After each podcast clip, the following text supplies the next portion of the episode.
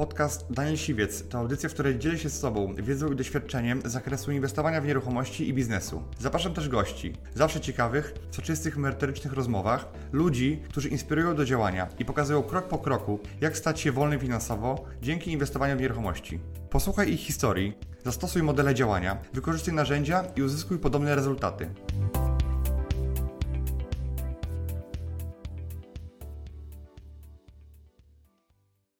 Jednym z elementów mojej strategii jest to, żeby robić biznes od początku do końca w dobrych strukturach. Czyli trzeba go dobrze zaplanować, on musi być na dobrym fundamencie.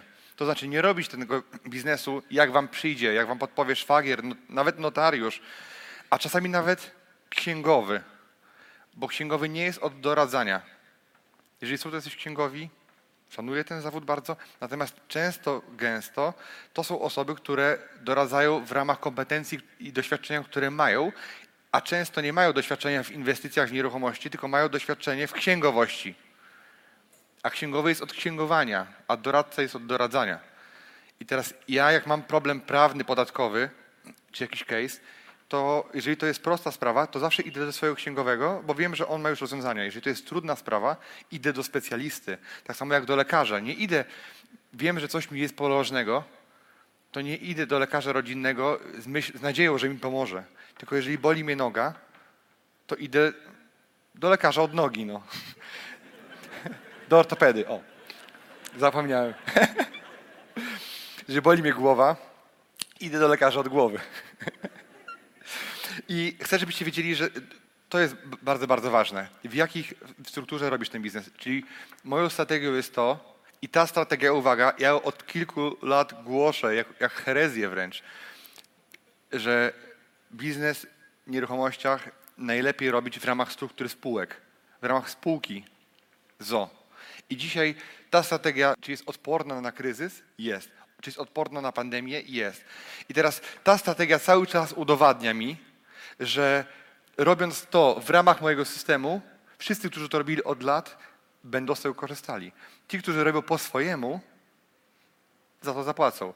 I ja od wielu lat mówię, że robić flipy tylko w ramach spółki ZO. I chcę o tym z porozmawiać, jakby czym jest ta spółka i dlaczego warto ją robić. Czyli jak bezpiecznie prowadzić biznes nieruchomościowy. Dlaczego akurat ta spółka? I dlaczego ja od 10 lat przestałem prowadzić działalność gospodarczą? Powiedziałem, że nigdy w tym kraju nie otworzę działalności gospodarczej już. Ale się złamałem jednak. W tamtym roku otworzyłem działalność JDG. I mam JDG też. Za chwilę wam o tym powiem. Kto z was ma działalność gospodarczą JDG? Ok, i płaci ZUS. Dobra. E, a kto ma spółkę jakąkolwiek? Okej, okay, super, coraz więcej osób. Zazwyczaj jak pytałem, to bardzo mało osób, ale jest coraz dużo więcej świadomych osób, które, które prowadzą spółki.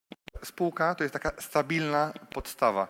Jest wiele mitów na temat, na temat spółek, wiele przekonań i wiele rzeczy, które są prawdziwe, wiele rzeczy, które są mniej prawdziwe. Jest tam wiele rzeczy, które są częściowo prawdą, albo zależy, jak się na to spojrzy.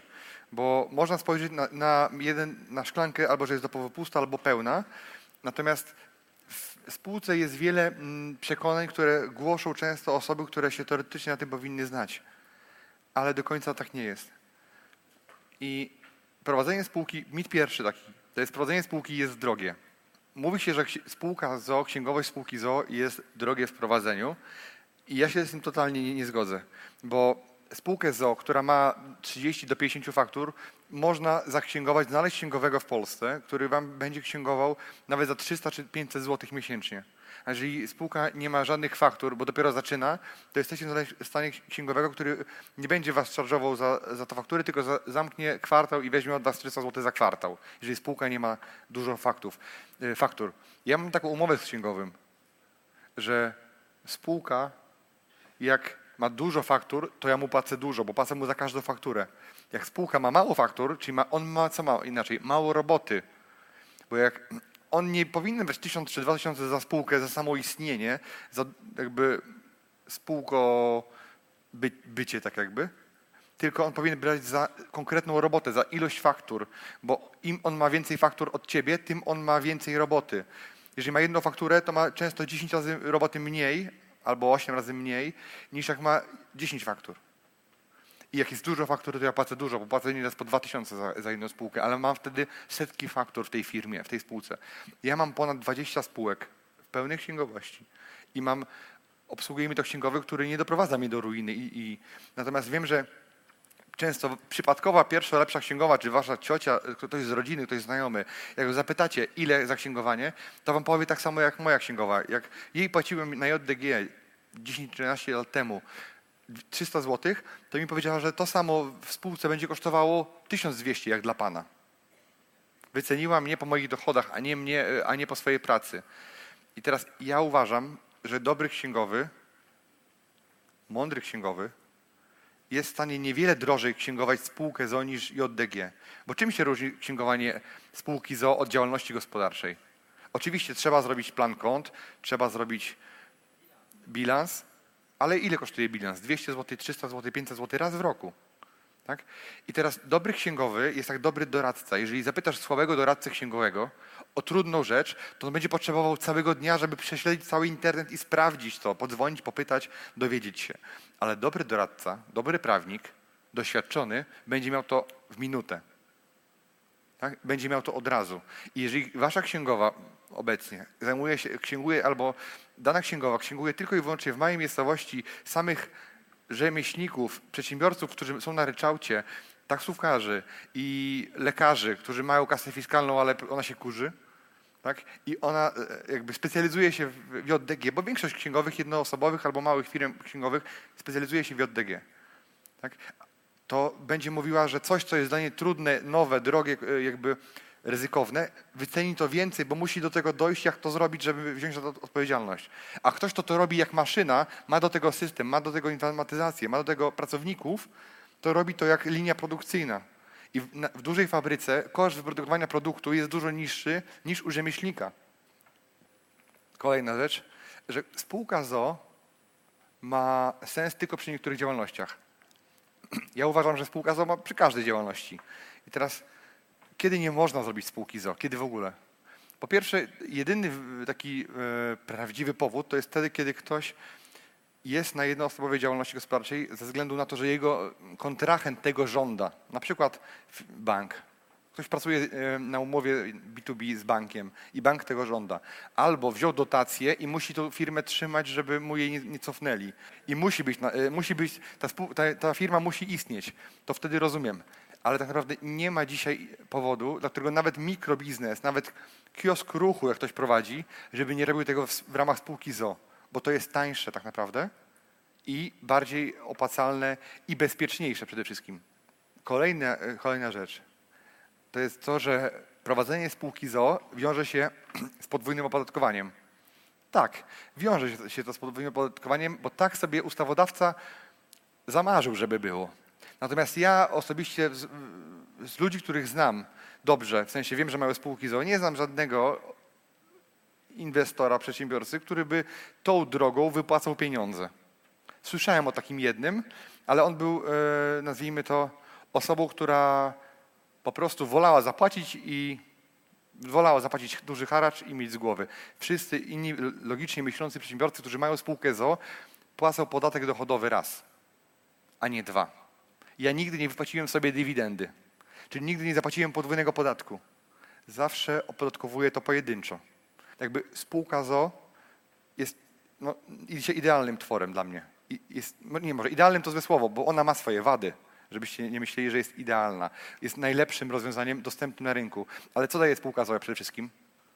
Jak się mówi spółka z ograniczoną odpowiedzialnością, tak, to daje, daje bezpieczeństwo. Oczywiście bezpieczeństwo też jest ograniczone, ale chodzi o to, że jeżeli ja mam dzisiaj wiele biznesów i część z Was dzisiaj ma biznesy inne niż nieruchomości i nie będzie z nich rezygnowała, ja to rozumiem. Chodzi o to, że ja mam taką jedną zasadę, że mam swój koszyk, tu jest plecionka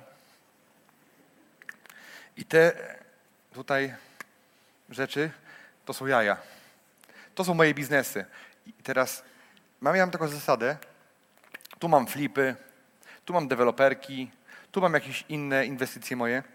I teraz mam taką zasadę, że nie trzymam tych wszystkich jajek w jednym koszu, bo jeżeli bym coś by się stało w jakimś z tym z biznesów, to one były, zadziałałoby to jak, jak jabłka.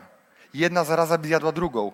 Czyli można powiedzieć, że jeżeli miałbym jakiś pro- problem w jakimś swoim biznesie, nawet niezależnie ode mnie, od lockdownu, bo załóżmy miałbym knajpę i w leasingu miałbym kuchnię i za paręset tysięcy sprzęt i kochany rząd by mi zamknął możliwości zarobkowe, to można powiedzieć, że ten leasing zjadłby moje, to co zarobiłem na, do, dotychczas na flipach, zjadłby moje deweloperki. Więc mówi się tak i, i ja mam taką zasadę, że nie trzymam wszystkich jajek w jednym koszyku. Bo jak koszyk strącisz, koszyk spadnie, a wszystko się w biznesie może wydarzyć, to tak naprawdę wszystko tracisz. I ja mam, in, ja mam inną zasadę. Ja mam koszyki, nie rysowałem tego tak nigdy, wielkanocne. Okej. Ja mam tych koszyków dwadzieścia kilka.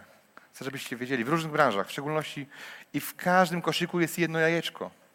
I to jajeczko czasami ma dwóch wspólników, albo jestem tylko ja, albo... I teraz chodzi o to, że jeżeli byłyby jakiekolwiek problemy w danym biznesie, to mówię, utylizujemy ten koszyk, wyrywamy chwasta. Nigdy mi się to nie zdarzyło, żebym spółkę utopił, żebym spółkę zamknął, bo nigdy żadna spółka nie upadła moja. Natomiast chodzi o to, że nawet, nie wiem, że jeżeli by dana spółka przestała działać albo nie działała dobrze, na przykład nie przeze mnie, tylko przez koniunkturę albo mojego wspólnika, pracownika, to chodzi o to, że mój cały kapitał, który zgromadziłem przez lata, budując nieruchomości, sprzedając nieruchomości, zarabiając, jest bezpieczny w pozostałych koszykach. Nawet powiedziałbym wam, że ja dzisiaj prywatnie nie kupuję nieruchomości na siebie. Ja je kupuję w ramach podmiotów, które je akumulują w spółkach portfelowych. Czyli ja mam spółkę tylko do tego, żeby trzymała moje, mój majątek. Tylko po to, na przykład. Więc mam dwadzieścia kilka spółek do różnych celów i chcę wam to samo powiedzieć.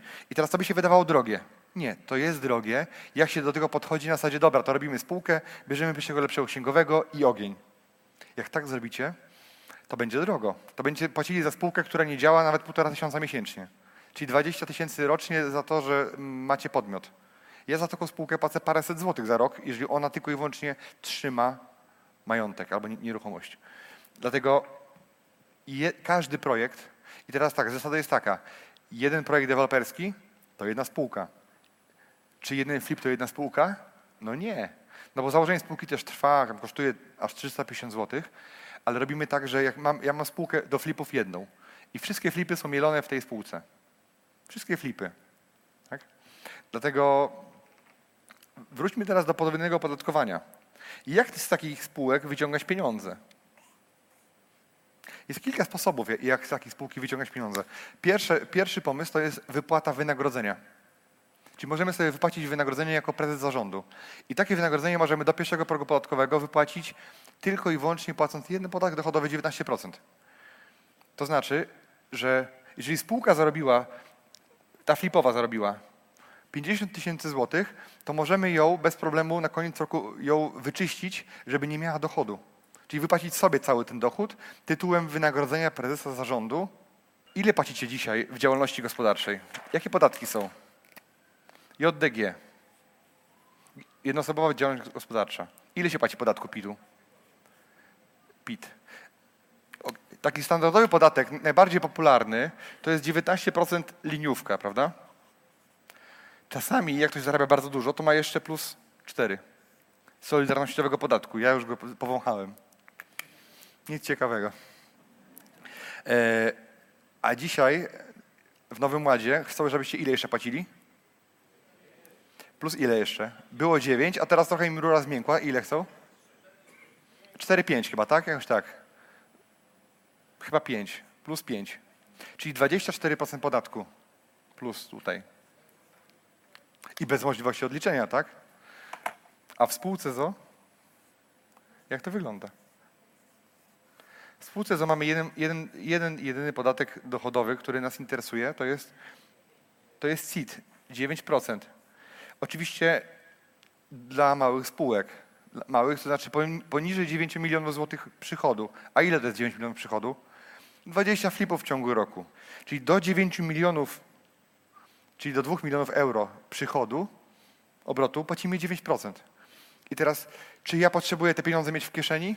No nie, ja nie potrzebuję. Być może część z Was potrzebuje i są sposoby na to, żeby tą spółkę, żeby te dochody ze spółki wyciągnąć. Legalne sposoby. Nie mówię wam o tym, że jakieś, robić jakieś lewe rzeczy. Mówię o tym, że możecie się w tej spółce zatrudnić. Możecie różne koszty generować przez tą spółkę. Legalnie y, ja staram się nie ryzykować, nie robić rzeczy na wydrę i nie robić takich rzeczy, które na pewno nie przejdą, bo nie chcę później mieć problemów. Ja robię rzeczy, które są legalne, ale teraz, jeżeli mnie zapytacie, jak wyciągnąć 2 miliony złotych ze spółki do prywatnego majątku, to albo mi zapytacie, jak ja nieraz pytam doradców podatkowych, jak to, jak to wyciągnąć? A chcesz teraz? Mówię, Nie. To przyjdź wtedy, kiedy będziesz chciał. Bo to prawo podatkowe zmieni się przez ten rok, dwa, trzy, pięć razy. Tak? Dlatego ja w ogóle nie potrzebuję wyciągać pieniędzy prywatnych ze spółki. Bo po co mi prywatne pieniądze w spółce? Bo ja, i teraz tak, jeżeli ja te pieniądze, załóżmy, zarobię tutaj 100 tysięcy złotych, tak dla uproszczenia, to ile zapłacę podatku? 9 tysięcy. I co mam w swojej kieszeni? W kieszeni spółki. 8, 91 tysięcy mam do reinwestowania więcej. Czyli mam kapitał, który już tam wsadziłem, plus 91 tysięcy więcej. I wolę go reinwestować, reinwestować. Tak? Wolę go reinwestować. Ja wolę płacić 9% podatku i mieć pieniądze w spółce do reinwestowania, niż oddawać państwu 20 kilka procent i mieć je dla siebie. Tak? Bo nawet jeżeli chcę kupić sobie nowy samochód, to kupuję go na siebie, czy kupuję go na spółkę? Na spółkę. Jeżeli chcę kupić sobie jacht, też kupuję na spółkę. Jeżeli chcę kupić sobie dom, na co kupuję? Na spółkę, ale inną spółkę. Taką, która nie prowadzi e, działalności operacyjnej. Żeby ten dom był bezpieczny. Był zaparkowany na, inny, na innym podmiocie. I chcę wam pokazać taki sposób myślenia mój. Dziękuję Ci, że wysłuchałeś do końca. Jeśli ten podcast był dla Ciebie interesujący, zapraszam do słuchania kolejnych odcinków. A jeśli chcesz jako pierwszy otrzymywać powiadomienia o nowych odcinkach, subskrybuj mój podcast.